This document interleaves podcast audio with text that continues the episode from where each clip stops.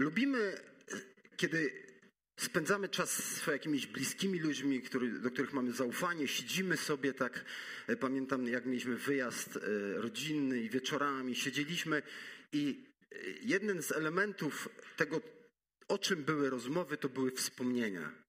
Lubimy wspominać jak to było. Na przykład e, ja pamiętam taką e, historyjkę, właśnie te historyjki, one takie bywają takie fajne, e, niektóre oczywiście, niektóre mniej fajne, ale byłem w takiej wspólnocie, jak byłem bardzo młodym człowiekiem, Teraz jestem tylko młody, ale jak byłem bardzo młodym człowiekiem, byłem w takiej wspólnocie, kiedy wchodziliśmy i tak na taką salę i spotykaliśmy się, to mówiliśmy do siebie chwała Panu, chwała Panu, nie tak, żeby uwielbić Boga. No i ktoś, kto był z zewnątrz, nie za bardzo wiedząc, o co chodzi, był taki pan, przyszedł pierwszy raz i jakaś z sióstr taka do niego, chwała Panu! A on myślał, że tak się witamy, więc powiedział jej chwała pani, nie? Ja po prostu nie, nie za bardzo wiedział, o co chodzi. I tak to bywa z tymi y, wspomnieniami, historyjkami. Mamy dużo takich pewnie w życiu y, ciekawostek. Ale dzisiaj oczywiście o tych wspomnieniach chcemy, e, e, chcemy głębiej zejść, zobaczyć w Bożym Słowie, do czego nas zachęca, a jesteśmy w takim cyklu e, nauczania o modlitwie i mieliśmy już dwa kazania. Zachęcam do przesłuchania. Piotr ostatnio zdegradował mój rysunek i słusznie, i słusznie lub niesłusznie, zaraz zobaczycie. Dlaczego? Bo myślę, że obydwa są słuszne ponieważ e, nie można iść razem, jeśli się najpierw samemu nie podjęło pewnej decyzji, a jak się już ją podjęło, to idziemy z tymi, którzy też ją podjęli, idziemy razem. Mm, dlaczego w drodze do domu? Dlatego, że byliśmy kiedyś w tym domu, który był rajem, Człowiek się zbuntował, zgrzeszył, sprowadził śmierć, y, zerwał relacje z Bogiem, ze sobą, ze stworzeniem i został wygnany. Ale Bóg nas nie zostawił na wygnaniu, tylko mówi: Ja mam Mam pomysł, ja mam plan, jak cię sprowadzić z powrotem do domu, człowieku. I właśnie dlatego to jest w drodze, bo jesteśmy w drodze, jesteśmy w tym momencie, jesteśmy, nie jesteśmy w raju i jeszcze nie jesteśmy w pełni w tym pięknym miejscu, do którego nasz Bóg e, e, zachęca, byśmy byli. Więc tak na dzień dobry pytanie, czy jesteś w tej drodze? Czy jesteś w drodze do tego domu? Czy czy rzeczywiście zaufałeś, że Jezus przyszedł, by uratować, wskazać, dać Ducha Świętego i poprowadzić nas z powrotem do domu? Czy jesteś tym, który tam zmierza, czy też może jeszcze się błąkasz w tym świecie, w tych różnych mm, poradach, myślach, sposobach na życie i właściwie pytanie, gdzie skończysz? No Biblia mówi, jeśli nie pójdziesz do domu i tam nie wejdziesz do domu Ojca, przepraszam, no trudno, Biblia tak mówi: będziesz w piekle. To jest trudne, ale prawdziwe, to jest całość. Ale my dzisiaj nie chcemy się tyle skupiać na piekle, co chcemy się skupić na tej drodze właśnie do domu. Więc jeśli Jezus nie jest Twoim jeszcze mistrzem, zbawicielem, zachęcam, wsłuchaj się, bo może zostaniesz zachęcony dziś do tego, by podjąć taką decyzję. A może się pogubiłeś gdzieś w życiu i w tej drodze zastanawiasz się, czy aby na pewno to jest właściwa droga. Może. A zatem w drodze, no właśnie, e, może też w takiej drodze do domu razem już z innymi będziemy szli. Dzisiejsze kazanie oprę o psalm, szczególnie jeden, dołączając troszeczkę inne, więc tylko krótki taki wstęp, żebyśmy uczyli się czytać psalmy i z nich czerpali coraz lepiej i głębiej. Księga Psalmów składa się z różnych psalmów w różnych okolicznościach napisanych przez różnych ludzi na przestrzeni wielu wieków, ale cała została zebrana po wygnaniu. Po wygnaniu Babilo- z niewoli babilońskiej, jak oni już wrócili, wtedy została spisana ta w całość księga. Ona ma swoją strukturę, ma swój porządek. Ale jak to jest z księgami, jak je czytać, to taki przykład dam, którego mnie uczono. E, może już o nim mówiłem, ale warto powtarzać. Czy jabłko jesz tak samo jak banana? No, jesz tak samo banana albo ananasa tak samo jak gruszkę? Kupujesz ananasa i ciach. Nie? Dlaczego? To owoc i to owoc. ale jesz inaczej. To samo jest z Bożym Słowem zapisanym w różnych gatunkach literackich. Inaczej czytamy psalmy jako poezję, inaczej czytamy listy. Po prostu to jest inna, to jest ten sam jakby owoc, ale w innej formie. Psalmy mówią i pobudzają dużo do emocji, e, poruszają nasze emocje. One mają ten cel. Oczywiście jest tam prawda. To nie chodzi o to, że to są tylko emocje bez, e, bez słów. Ale spróbujmy, dam e, taki przykład psalmu dzisiejszego, na którym chciałbym się oprzeć. Przeczytam go. Psalm 124. Później go wyświetlę, ale posłuchajmy. Psalm 124. O, gdyby Pan nie był z nami, niechże powie Izrael. Gdyby Pan nie był z nami, gdy ludzie powstali przeciwko nam, to byliby nas pożarli żywcem, gdy płonęli gniewem przeciwko nam. Ojej, to byłyby nas zalały wody, potok zatopiłby nas, to przeszłyby nad nami wody wezbrane. Mm, błogosławcie Pana, który nie wydał nas na łup zębom ich. Dusza nasza, jak ptak, umknęła z sidła ptaszników. Sidło się podarła, myśmy wolni. Pomoc nasza w imieniu Pana, który uczynił niebo i ziemię. Amen. Co myślicie? Porażka! No właśnie. Dlaczego porażka? Dlaczego porażka? Anitka, dlaczego porażka? Dlaczego? Właśnie.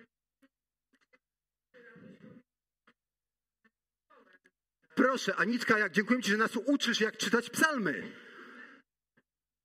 Jak można czytać ten psalm w ponury sposób? A teraz zabieram Was w taką historyczną podróż. Oni idą oni idą do świątyni. To są psalmy, które mówią o wędrówce do świątyni i wejściu do świątyni. Oni idą i śpiewają to. I teraz jak oni to śpiewają? O, o, tak śpiewają. Czy ten psalm tak śpiewają? Więc jeżeli skończymy to kazanie e, w takim stanie, to naprawdę dzisiaj mnie możecie e, obić pałkami. Jeśli mi się nie uda złapać tego tonu i radości, to naprawdę źle. No nie możemy skończyć na stękaniu i zobaczyć tam tylko jakieś stękanie, bo to nie jest psalm stękający. To nie jest psalm, jak jeden z takich nad rzekami Babilonu siedzieliśmy i płakaliśmy, no bo byliśmy w nędzy. To nie jest ten psalm. W ogóle te psalmy te, te, o tym pielgrzymowaniu, one są pełne one mają być pełne nadziei. Oni dopiero co doświadczyli konsekwencji swoich grzechów, byli w niewoli, Bóg ich uwolnił, przychodzą, widzą ruinę, widzą to, to, te zgliszcza, ale oni są pełni nadziei do Boga, bo wiedzą, kim jest ten Bóg. I właśnie o tym dziś przeczytamy, przeczytam psalm, nie patrzcie w Biblię proszę, nie patrzcie, przeczytam nie ma tu numerków. Spróbujcie, możecie obserwować tekst, jeżeli to Wam pomaga. Spróbujmy przeczytać pewien tekst. Gdyby Pan nie był z nami, niechże powie Izrael. Gdyby Pan nie był z nami, gdy ludzie przeciwko, powstali przeciwko nam, to byliby nas pożarli żywcem, gdy płonęli gniewem przeciwko nam. To byłyby, nas zalały wody, potok zatopiłby nas, to przeszłyby nad nami wody wezbrane. Błogosławiony Pan, który nie wydał nas na łup zębom ich. Dusza nasza jak ptak umknęła z sidła ptaszników. Sidło się podarło, a myśmy wolni. Pomoc nasza w imieniu Pana, który uczynił niebo i ziemię.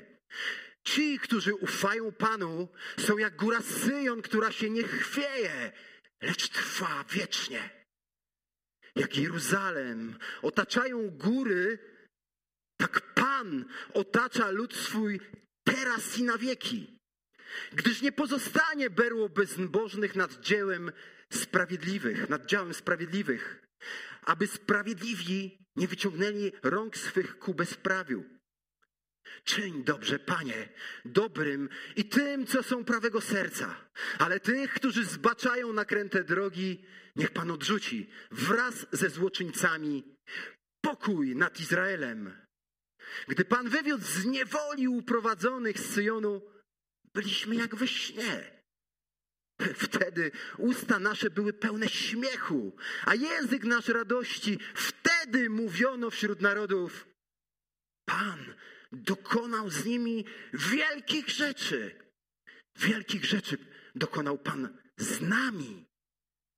Przeto byliśmy weseli.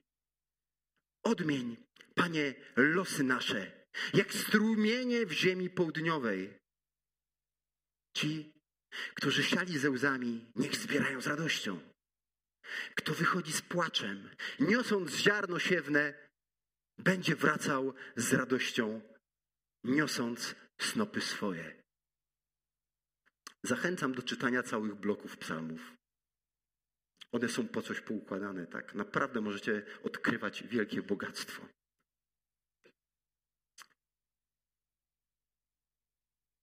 W drodze do domu wspominamy. Ja czasami, jak wracam do Kamiennej Góry, to tak tkli się coś. To jest moje miejsce, moje miejsce, gdzie się urodziłem, gdzie się wychowałem, gdzie mieszkałem przez około 20 lat. To coś tam się tli. Kiedy poznaję te budynki, nieraz patrzę, przyglądam się i wspominam, o, tą osobę z widzenia gdzieś znam, nie mam pojęcia jak się nazywa, ale ją znam. Mamy takie miejsca, że wspominamy. Wspominamy. W drodze do domu. W tym wspominaniu chodzi o przypominanie sobie tego, co dotychczas zrobił Bóg. I o tym mówi ten psalm. Gdyby Pan nie był z nami, niechże powie Izrael, gdyby Pan nie był z nami, gdy ludzie powstali przeciwko nam, to byliby nas pożarli żywcem, gdy płynęli gniewem przeciwko nam. To byłyby nas zalały wody, potok zatopiłby nas, to przeszłyby nad nami wody wezbrane. O czym on mówi? O czym oni śpiewali? Cały czas miejmy to w ten kontekst. Oni idą, idą do świątyni. Oni nie są w tej chwili w utrapieniu jakimś mega. Oni rzeczywiście widzą konsekwencje, widzą pewien trud, ale no właśnie, co oni wspominają? O tak, był czas, pamiętamy to, był czas, kiedy nasi ojcowie, bo to nie tylko dotyczyło ich bezpośrednio, ale nasi ojcowie doświadczali tego, tej wrogości innych ludów. Może miał na, mieli na myśli śpiewając i idąc, o tak, był czas w Egipcie, kiedy władca powiedział, by zabijać wszystkich chłopców zaraz po urodzeniu. I to była zagłada narodu. Niektórzy uważają, że ten psalm, on bardziej nawet może mówi o tym, jeżeli kojarzymy księgę Estery, gdzie był tam jeden poganin, który podjudził władcę i zaplanował całkowite wymordowanie wszystkich. Ciągle widzimy na tym świecie, i taka jest prawda, że rzeczywiście są wrogie siły, są ludzie wobec Bożych dzieci. Ten gniew istnieje. Ten obrok, mamy tu obraz potoków, które nagle się wzbierają. W Izraelu, wiecie, płyną takie małe, cieniutkie nieraz e, e, strumyki, a nawet czasami ich nie ma, ale jak spadnie deszcz, to są bardzo niebezpieczne, można się w nich utopić. Tu jest ten obraz tego gniewu, takiej nagłej wody. Dzisiaj powiedzielibyśmy, że, że ludzie czasami wybuchają gniewem i narody na chrześcijan, jak, jak tsunami, po prostu wszystko chcą zniszczyć. Paweł miał, apostoł Paweł miał swoje takie doświadczenie, kiedy mówi o swoim życiu. Słuchajcie, czego on doświadczył? Fajnie jest posłuchać trochę historii ludzi, żeby tak sobie troszeczkę popatrzeć na własne życie i może czegoś się nauczyć. Te, Paweł mówi tak. Więcej pracowałem, częściej byłem w więzieniach, nadmiarę byłem chłostany, często znajdowałem się w niebezpieczeństwie śmierci. Od Żydów otrzymałem pięć razy po czterdzieści uderzeń bez jednego, czyli pięć razy był bity y, odpowiednimi przyrządami. Trzy razy byłem chłostany, raz ukamienowany. Wiecie, co znaczy ukamienowany? Wzięli kamienie i go w niego rzucali i myśleli, że on nie żyje, ale on przeżył coś takiego. Trzy razy rozbił się ze mną okręt. Dzień i noc spędziłem w głębinie morskiej. Byłem często w podróżach, w niebezpieczeństwie w rzekach, od zabójców, od rodaków, od pogan, w mieście, w pustyni, w morzu, między fałszywymi braćmi, w trudzie i znoju, często w niedosypianiu. Niedosypianie to wiem, że dzisiejsza e, cecha e, rodziców młodych, także Grzesiu, witamy Cię w tym gronie. Na pewno niedosypianie jest coś wspólnego z apostołem Pawłem. Albo i nie ma jeszcze, bo nie ma dziecka w domu. Może ty lepiej teraz sypiasz, kto wie? W głodzie i pragnieniu, często w postach, w zimie i na gości. I oprócz tego Paweł mówi jeszcze wewnętrzne rozterki. Nie? I, I jak myślicie, po co on to wymienia? On to mówi, wiecie, bycie chrześcijaninem to jest masakra. No popatrzcie na moje życie. Czy po to to napisał do Koryntian? Żeby tak się pożalić i powiedzieć, jak mu ciężko w tym życiu z tym Bogiem. No, no, no, no słyszeliście co? Co on przeżył? On to wymienia. Po co? Po co on to robi? No nie po to, żeby ich zniechęcić do czegokolwiek. On robi to w ogóle w zestawieniu do fałszywych apostołów, pokazując, że on wcale nie jest gorszy i że wcale jemu nie chodzi o kasę, nie chodzi mu o zaszczyty, ale że on sam wiele przeszedł z Chrystusem i dla niego, bo został przez niego powołany.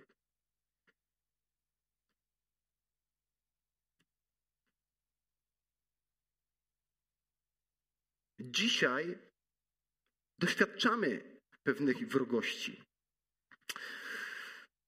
Zamyka się nam usta. Żyjemy w czasach, kiedy wrogie narody, które nie uznają Boga, ludzie, nie mówię o imieniu i nazwisku, ale żyjemy w takich czasach. Chrześcijanie zawsze byli pod obstrzałem i będą, póki Chrystus nie wróci. W dziejach apostolskich w czwartym i piątym rozdziale czytamy o tym, jak Zabraniano Piotrowi i Janowi głosić Ewangelię w imieniu Jezusa, opowiadać o Chrystusie. Powiedzieli to przywódcy religijni, nie wolno wam. A oni powiedzieli co? Oczywiście. My zachowamy to, co wiemy dla siebie, będziemy tylko ze swoimi rozmawiali o tym, nigdzie nie pójdziemy, nie będziemy nikomu nic mówić. Nie będziemy, będziemy tolerancyjni, nie będziemy się nikomu narażać, nie ma sprawy. Kto będzie chciał ewentualnie gdzieś tam, to może powiemy. Czy taka odpowiedź była Piotra i Jana? Nie, wiemy, że nie. Powiedział Piotr z Janem, ale kogo my mamy bardziej słuchać? I w piątym rozdziale znowu stają przed tą radą i oni pytają, przecież zabroniliśmy wam, dlaczego to robiliście? I oni tą samą odpowiedź dają. A dzisiaj również e, jest takie mocne parcie już w Europie, zamknijcie się chrześcijanie. Nie mówcie o Bogu, nie mówcie o grzechu, nie mówcie o upamiętaniu, nie mówcie o jakimś zbawicielu, nie mówcie. Zostawcie to dla siebie. Nie wolno nam milczeć. I kiedy wspominamy naszych braci w Chrystusie, właśnie apostołów, pierwszych chrześcijan, w historii Kościoła, naszych, których znamy, ludzi, którzy może już odeszli także, i widzimy, że nie posłuchali tego, ale słuchali Boga. Jak najbardziej. Widzimy to napięcie, tą wrogość. Widzimy, ale to nas nie powinno przerażać. To nas w ogóle nie powinno zniechęcać do tego, do czego jesteśmy powołani. Dlaczego? Dlaczego nie powinniśmy się zniechęcać i przerazić konsekwencjami? Dlaczego? Łatwo mówić dzisiaj, nie jestem pod takim obstrzałem. Pewnie. Ale potrzebujemy ciągle tej zachęty. Dlaczego nie powinniśmy? Paweł mówi o czymś takim na początku jeszcze listu do Koryntian. Nie chcemy bowiem, abyście nie wiedzieli, bracia, o utrapieniu naszym, jakie nas spotkało w Azji, iż ponad miarę i ponad siły nasze byliśmy obciążeni, tak że nieomal zwątpiliśmy o naszym życiu. Doprawdy byliśmy już całkowicie pewni tego, że śmierć nasza jest postanowiona. Paweł mówi, byłem w miejscu, w którym, i do Koryntian mówi, w którym rzeczywiście już myśleliśmy, że Bóg powiedział, koniec z waszym, z, wam, z waszym życiem. Już myśleliśmy tak, ale On nie narzeka. On tutaj nie skarży się. On mówi to jako pewien pozytyw, jako świadectwo. Tak, byłem w takim miejscu, przeżyłem to. Przeszedłem tego. Czego nas uczy przypominanie, wspominanie? Dlaczego powinniśmy wspominać w modlitwie i być zachęcanym do przychodzenia do Boga przez przypominanie, wspominanie? Ponieważ to nam wyostrza postrzeganie świata. Dlaczego jesteśmy w drodze? Co to znaczy? Co jest dookoła nas? Zło istnieje. Czy jesteśmy przestrzegani? Uważajcie, szatan chce was zastraszyć jako lew ryczący. Chce was zastraszyć. Chce was zniszczyć. Grzech chce i zbiera żniwo wokoło. Widzimy to. Szatan zniewala i sieje zniszczenie. Widzimy to, ale to nie powód, by się przerazić. Widzimy i oni widzą i oni wspominają. Tak, tak, to jest nasze doświadczenie. Masz takie doświadczenie z walką kiedy przychodzi pokusa, albo widzisz, że trudno, że ktoś cię niesprawiedliwie traktuje, widzisz trudy, zmagania, spotykają cię doświadczenia, widzisz to, widzimy. I powinniśmy nie dziwić się tak. A jeżeli jeszcze jesteś prześladowany z powodu tego, że jesteś chrześcijaninem i mówisz, jak Boże Słowo mówi, to tym bardziej się nie powinniśmy dziwić. Po prostu tak w tym świecie jest. I to wspominanie to jest jeden element. Tak, tak było. Ale na tym nie wolno skończyć. I, I, ci, którzy szli w tej pielgrzymce, nie kończyli. Oni nie tylko wspominali, jak było źle, jak było trudno. Oni nie. To jest piękne, że wspominali, były takie momenty, doświadczaliśmy trudów, ale gdyby Pan nie był z nami. Ten psalm zaczyna się od takiego wołania, gdyby Pan nie był z nami. A gdyby Pan nie był z Tobą, w tym trudnym doświadczeniu, jakie Cię spotkało w życiu, a gdyby Pan nie był z Tobą, gdzie byłbyś dziś? Gdyby Pan nie był z Tobą.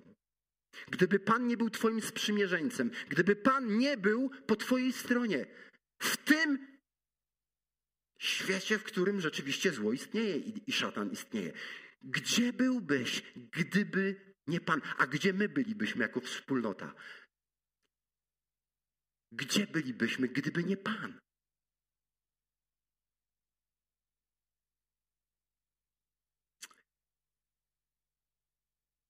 Gdyby Pan nie był moim obrońcą i Twoim, pocieszycielem, gdyby Pan nie był tym, który zdejmuje z nas ołowiany płaszcz tego poczucia winy, tego zniszczenia, gdyby Pan nie był tym, który to zdejmuje i zakłada na nas wspaniałą szatę jedwabną, szatę wolności, gdyby Pan nie był tym,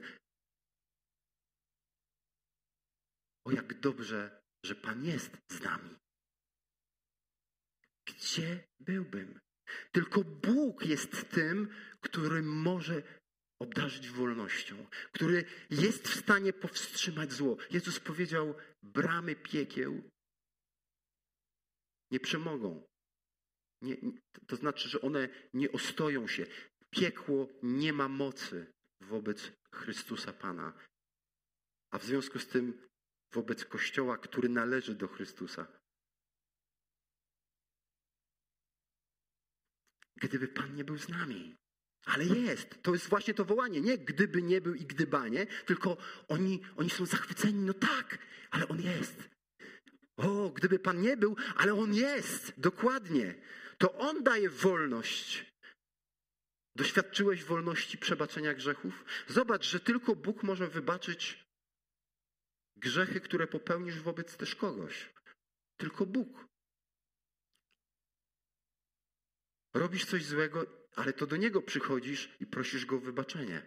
Oczywiście, kiedy zrobisz coś wobec kogoś, idziesz pojednać się, ale nie chcę wszystkich aspektów tu poruszać. To Bóg daje wolność, zdejmuje ten ciężar poczucia winy. Wiecie, że to poczucie winy właśnie jest jednym z większych problemów e, dla terapii wszelkich. Poczucie winy. Jak sprawić, by człowiek nie czuł się winny, skoro wie, że coś zrobił nie tak? to co ma spowodować, żeby nie czuł już tego ciężaru? To właśnie Chrystus przyszedł z dobrą nowiną z sobą, by nam dać pokój i radość, nas uwolnić. Gdybym miał powiedzieć, bo myślę o sobie i ilekroć rzeczywiście zaczynam wspominać i przypominam sobie, bo zapominam, mam tak, co Bóg uczynił w moim życiu, to to mnie podnosi. Bo mogę powiedzieć śmiało, że nie jestem takim ojcem dla moich dzieci, jak był mój ojciec. Nie jestem, nie miałem wzorców, ale nie jestem takim ojcem. Dlaczego nim nie jestem? Tak jak Piotr powiedział wcześniej, bo Bóg wkroczył w moje życie. Nie jestem, nie miałem wzorców męża, nie wiem, nie widziałem fajnych mężów, może trochę. Oczywiście wierzących już tak, ale z czasów, kiedy ja funkcjonowałem bez Boga, nie widziałem, co to znaczy być dobrym mężem i dobrym ojcem. I nie byłbym nim. I czy jestem? Oczywiście, że nie jestem jak mój tata, który był alkoholikiem i zaniedbywał rodzinę jak tylko mógł. Myślę, że dużo bardziej jestem lepszym. To nie znaczy, że nie mam braków wad, nad którymi Bóg pracuje. Oczywiście, że wciąż pracuję, ale nie jestem. Wiem, gdzie byłbym, gdyby nie Bóg. Gdzie byłbym z powodu alkoholu, gdyby nie Bóg? Gdyby On nie był ze mną, jak zerwałbym te pokusy i więzy? Jak bym je zerwał? Dzisiaj idąc, widziałem już kilku, kilku gdzie się ruszymy, widzimy ludzi, i słyszymy o zniszczonych małżeństwach, o tym zniszczeniu, jakie wnoszą w uzależnienie jakiekolwiek. Gdzie bym był, gdyby nie Bóg, który daje wolność? Ale On jest ze mną, On był ze mną, jest i będzie. Gdzie bym był, gdyby On mnie nie zaopatrywał? Pamiętam taką historię jeszcze z czasów, kiedy właśnie w Kamiennej Górze mieszkaliśmy z Agniesią. Bardzo dużo byliśmy zaangażowani w Kościół. Ja pracowałem, Agniesia była na urlopie e, tym macierzyńskim, potem był wychowawczy i było gdzieś tam, gdzieś tam pytanie, czy ma wrócić do pracy, czy nie. No i właśnie, takie ziemskie pytanie, ma wrócić do pracy, czy nie? No potrzebujemy z czegoś przecież żyć. Ale ja wiedziałem, że jeśli Agniesia pójdzie w tą stronę, to bardzo ograniczę ja swoją służbę, bo nie, nie wyrobiłbym czasowo musiałbym coś ciąć. Ja. Ja nie mówię, że to jest wzór dla kogokolwiek z was. Mówię o swoim doświadczeniu. I wiecie, i pamiętam rozmowę z Agniesią. Mówię, Agniesiu, a gdyby Bóg dał nam tyle, ile ty miałabyś z pracy dodatkowo, czy to by cię tak też przekonało, że nie musisz iść do pracy? Tak rozmawialiśmy i stwierdziliśmy, dobra. Słuchajcie, nie miałam pojęcia zielonego. Skąd ja mogę dostać więcej tyle pieniędzy? No, jedną pensję, można powiedzieć więcej. Skąd ja to mogę dostać? Jak? Ale Bóg wiedział. Bóg wiedział i otworzył dwie furtki.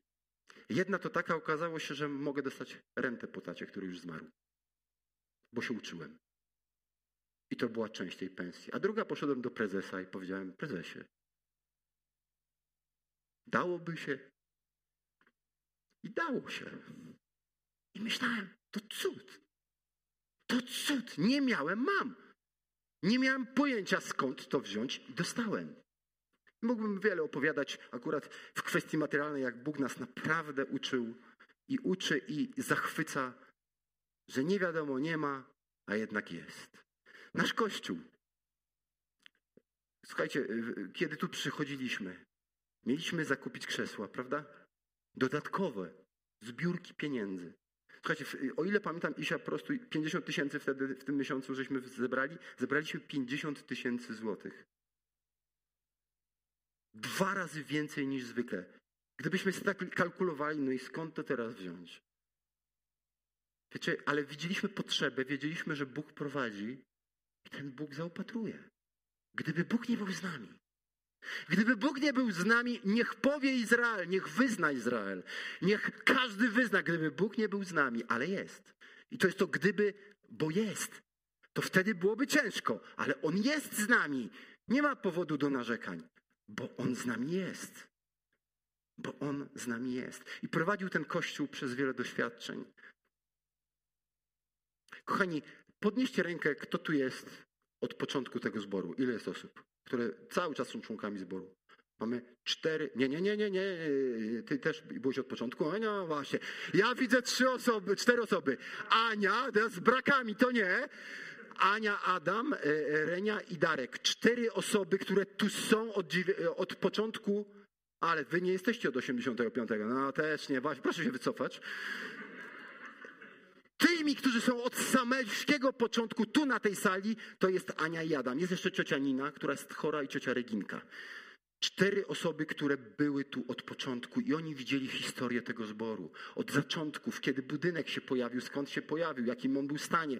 Ludzie, którzy angażowali się. I pamiętamy różne losy, kłopoty, naprawdę ciężkie doświadczenia ten zbór przechodził. Był moment, w którym mieliśmy dwa nabożeństwa na Karpackiej. E, na niewielkiej powierzchni 50 kilku metrów 70 osób siedziało. Pianino, perkusja, wszyscy tak siedzieli. I tam i wszystkim było tak dobrze. I myśleliśmy tylko, kto tu przyjdzie, takiej nory, ale nam jest dobrze. Ale Bóg sprawił, że nam było źle i dobrze. Widzicie, jak Bóg czyni źle, że się źle nam to nieraz e, w duszy dzieje, to to jest dobrze, bo stwierdziliśmy w pewnym momencie, koniec. Wychodzimy z Karpackiej. Musimy gdzieś coś wynająć. No tak, wynająć, ale za co? No nie mamy tyle pieniędzy, trzeba będzie teraz znowu skąd tyle pieniędzy wziąć? Nagle pięć tysięcy za, za wynajem miesięcznie. Skąd to wziąć? Słuchajcie, wyszliśmy, ale powiedzieliśmy jedno, nie wracamy. Bo były już takie losy w historii Kościoła, że wyszli, nie udało się, wrócili, próbowali coś. No tak, tak było. My dojrzeliśmy jakoś z łaski Bożej, bo gdyby nie był Bóg z nami, nie byłoby nas dziś tu. To jest kolejne miejsce, w które Bóg nas prowadzi i prowadzi dalej i prowadzi. Gdyby Bóg nie był z nami, ale był właśnie, bo był z nami. Gdzie byłbyś? Gdzie byłby ten zbór, gdyby Pan nie był z nami? Paweł kończy tą opowieść w drugim Koryntian, w pierwszym rozdziale, kiedy mówi o tych niebezpieczeństwach i o tym, że był pewien, że już śmierć go czeka. Mówi, który, mówi o Bogu, który z tak wielkiego niebezpieczeństwa śmierci nas wyrwał i wyrwie i co? I wyrywać będzie. To mówi Paweł, który zwątpił, że przeżyją. Po co on to mówi? Po co on tym Koryntianom to mówi? Po co on to mówi nam? Bo się chciał pochwalić, jaki on był duchowy? Czy on mówi o tym po to, byśmy my poznawali, kim jest Bóg? Bo to jest real, to jest rzeczywistość. To nie jest tylko mrzonka i pragnienie jakieś. Paweł mówi, wyrywał, wyrywa teraz i będzie wyrywał, bo to jest jego lud. I będzie przeprowadzał swój lud. I będą doświadczenia i trudne chwile. I będą, ale tego Bóg nie powiedział, że tu zlikwiduje. W niebie. W tej nowej ziemi, nowej rzeczywistości. Tam tego nie będzie. Ale powiedział, będę z wami. Gdyby Pan nie był z wami, ale będzie. Będzie i robi to. I jest z nami. W Jana czytamy, kiedy Jezus, ostatnia wieczerza, ostatni ten pobyt taki e, z uczniami, Jezus mówi, na świecie ucisk mieć będziecie, ale ufajcie, jakby pamiętajcie, po co apostoł Jan to napisał, po co on opisuje całe to wyznanie y, Jezusa, tą mowę Jezusa do uczniów. Po co on to napisał? Po co czytasz Biblię, która dwa tysiące lat temu była napisana? Po co ci ona? Powiesz, ona jest niepraktyczna. Dzisiaj mamy XXI wiek. No właśnie po to, byśmy pamiętali, co zrobił Jezus, co zrobił Bóg schodząc na świat, stał się człowiekiem, oddał życie na krzyżu, został zabity, zmartwychwstał, poszedł do nieba i wróci. Zwyciężył śmierć przez zmartwychwstanie, pokonał szatana. Pokonał konsekwencje grzechu, śmierć jest konsekwencją grzechu. Pokonał to i mówi do uczniów: Słuchajcie, będzie ciężko. Będzie czasami ciężko. No nie powiedział czasami, oczywiście to jest mój dodatek, że bywają takie okresy, w których może jest ciężej. Jasne, że tak, ale ufajcie, ja zwyciężyłem ten świat. To nie, nie bójcie się tego świata. Nie chodźcie w drżeniu przed tym światem. Nabierzcie odwagi. Nabierzcie odwagi. Dla chętnych, y, dla, dla prymusów, y, zachęta y, na, na tydzień, przeczytajcie sobie dwunasty rozdział Apokalipsy. Dwunasty rozdział Apokalipsy. Opis smoka, diabła, który chce zniszczyć Izrael, a potem narodzone dziecko, to jest z Izraela Mesjasz, które chce zniszczyć, to jest zadanie szatana. Zniszczyć Boży plan związany z Mesjaszem i ludem Bożym. I widzimy, to się nie zrealizuje. Nie zrealizowało się i się nie zrealizuje. Tam widzimy Boga, który zwycięża, który wkracza w tą rzeczywistość i ratuje. Wyjście do Rzymian, oczywiście Paweł, tu wielki hymn. Cóż powiemy? Jeśli Bóg z nami, to któż przeciwko nam? Gdyby Pan nie był z nami, ale jeśli Bóg jest z Tobą w Twojej pracy, w Twoim wychowywaniu dzieci, to czego się boisz? Czego mamy się lękać? Jeśli przychodzi strach, powinniśmy go wyznać Bogu. To czemu mamy być w lęku? W takim drżeniu? Wcale nie powinniśmy się tego lękać, bo Bóg jest przecież z nami. On przecież wstawia się za nami. On wstawia się za nami. Masz wsparcie. Posłał Ducha Świętego i cały czas wstawia się za nami. To jest Twój Bóg. Gdyby Pan nie był z nami, ale jest. W tym tygodniu Pan Bóg otworzył trochę moje oczy na, jeden, na jedną wypowiedź Jezusa i od razu pomyślałem o naszej przyszłości. Tajemnica to wielka, ale ja ją, ja ją się podzielę. Powiem wam, że czy, słuchałem tego i pomyślałem sobie, jajku, no przecież, przecież to, to jest no takie właśnie, taki ten ojciec jest. W szóstym rozdziale Ewangelii Mateusza Pan Jezus mówi o modlitwie. I dwukrotnie wypowiada takie zdanie o swoim Ojcu. Jezus zna Ojca, poszedł od Niego, jest jednością, stał się człowiekiem, zna Ojca doskonale, przyszedł pokazać nam, jaki jest Ojciec. I mówi, Ojciec Wasz wie, że tego wszystkiego potrzebujecie. Ojciec wie, że tego potrzebujecie. Ojciec nie mówi, nie potrzebujesz niczego tu. Wystarczę ci ja. Śpiewaliśmy tak, nie? Inny kontekst.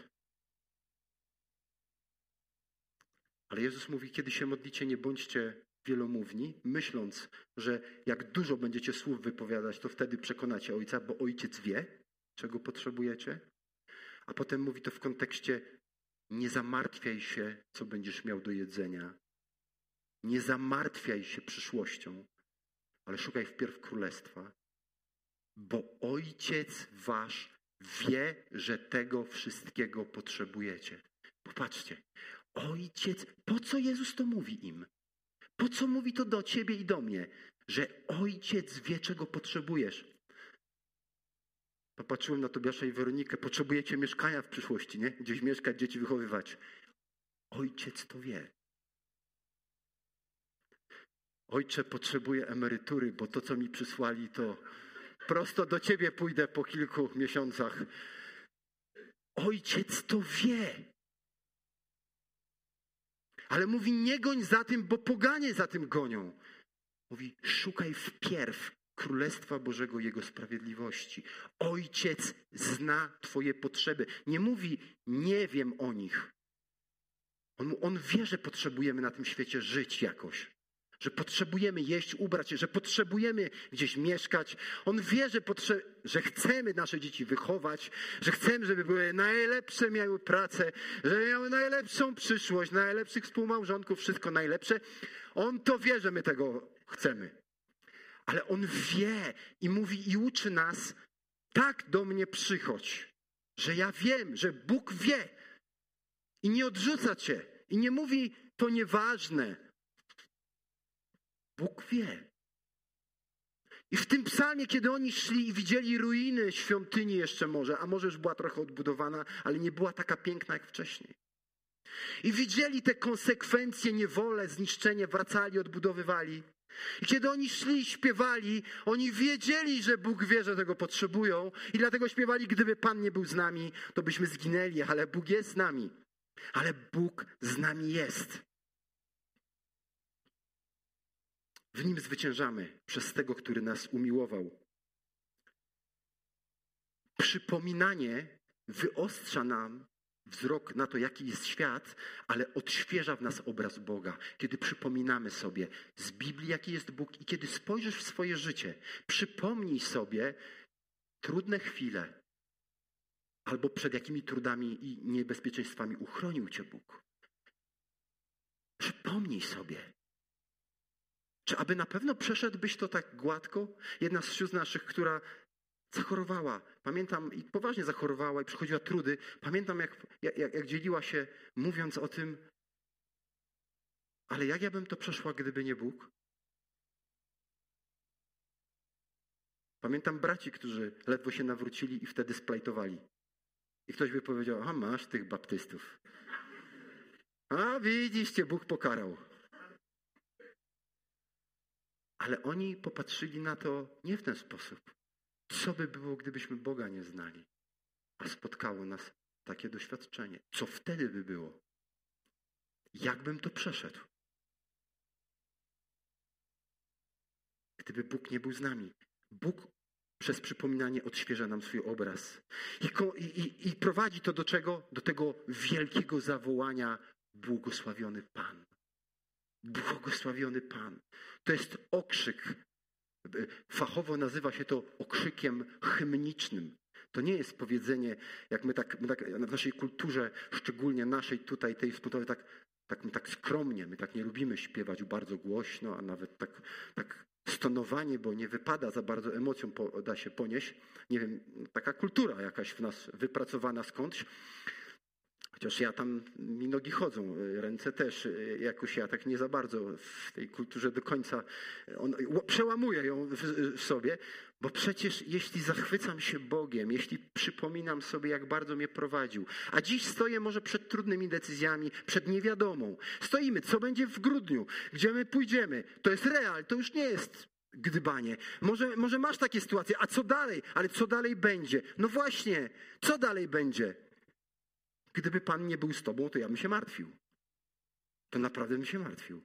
Ale jeśli jest z Tobą, jeśli przychodzisz do Niego w modlitwie, jeśli wspominasz to, co zrobił, a największe Jego dzieło, dzieło to, że Cię pojednał z, z Ojcem, że możemy się nazywać dziećmi Bożymi, że możemy z ufnością przychodzić do Niego, przecież to jest piękne. Kochani, błogosławiony Pan, który nie wydał nas na zęby łupom. E, na łup zębom, a? Na łup zębom ich. To okrzyk. O czym ten okrzyk jest? Że Bóg nie zostawia swoich dzieci.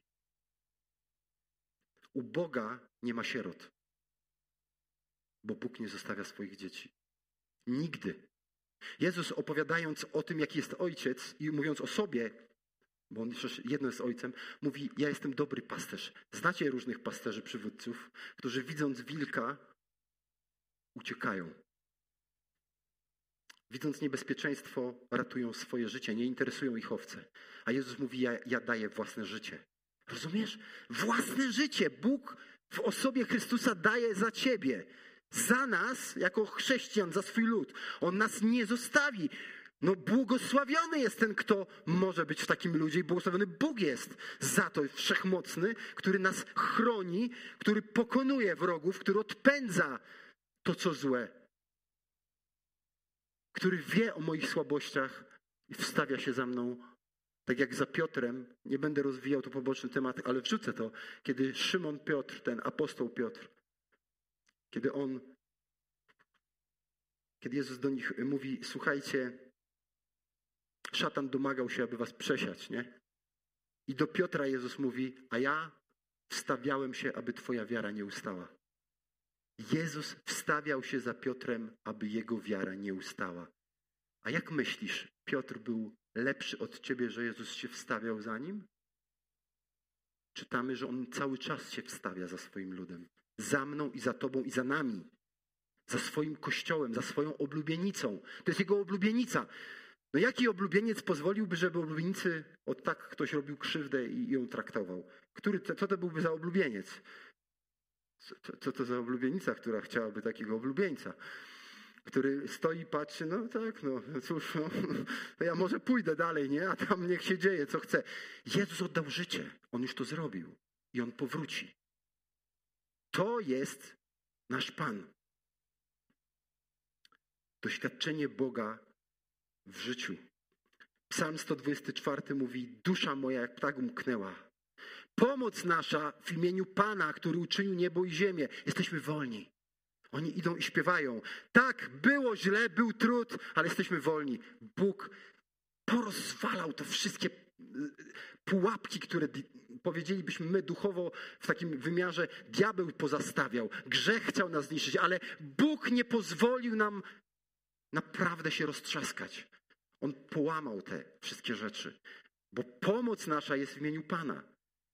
W Nim. A zatem to przypominanie wyostrza nam, jaki jest naprawdę wokoło nas, ale nasze wyostrza też obraz, kim jest Bóg. I to nas powinno ewidentnie pobudzać do uwielbienia, do takiego zachwytu Bogiem. I potem właśnie jest ten psalm 125 o zaufaniu.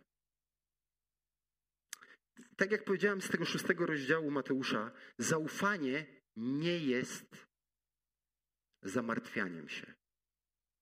Zaufanie nie jest beztroską, ale nie jest zamartwianiem się.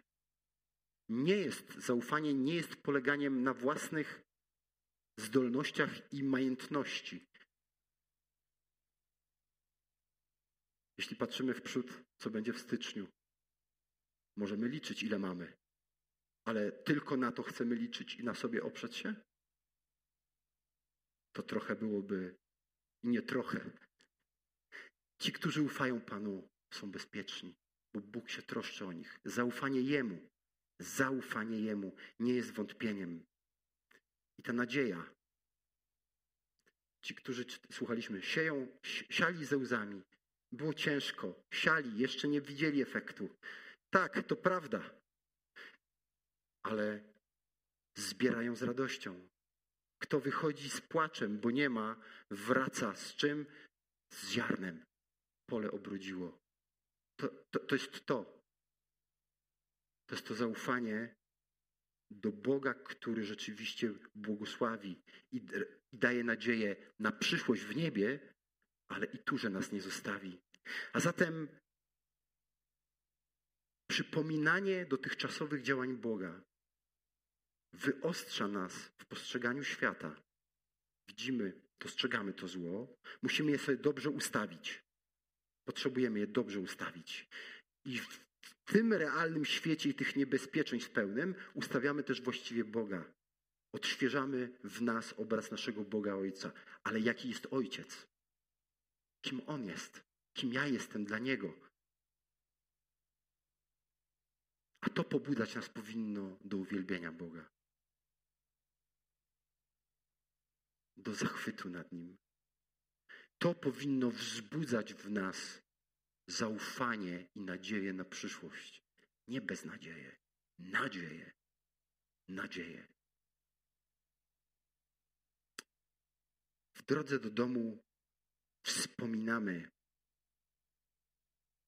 Odpowiedz proszę sobie na pytanie, gdzie byłbyś dziś w życiu, gdyby nie Bóg? I niech to nie będzie pusta odpowiedź, jakaś taka łatwa. Pomyśl o tych miejscach w życiu i o tym, gdzie byś był, była, gdyby nie Bóg, gdyby Bóg z tobą nie był.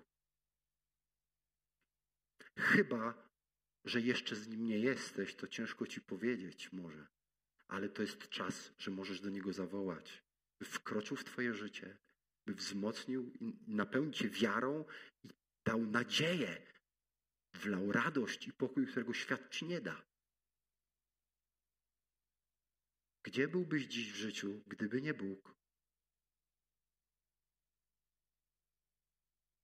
Każdego dnia spróbuj spojrzeć wstecz i pomyśleć, w jaki sposób Bóg pomógł Ci przeżyć ten wczorajszy dzień?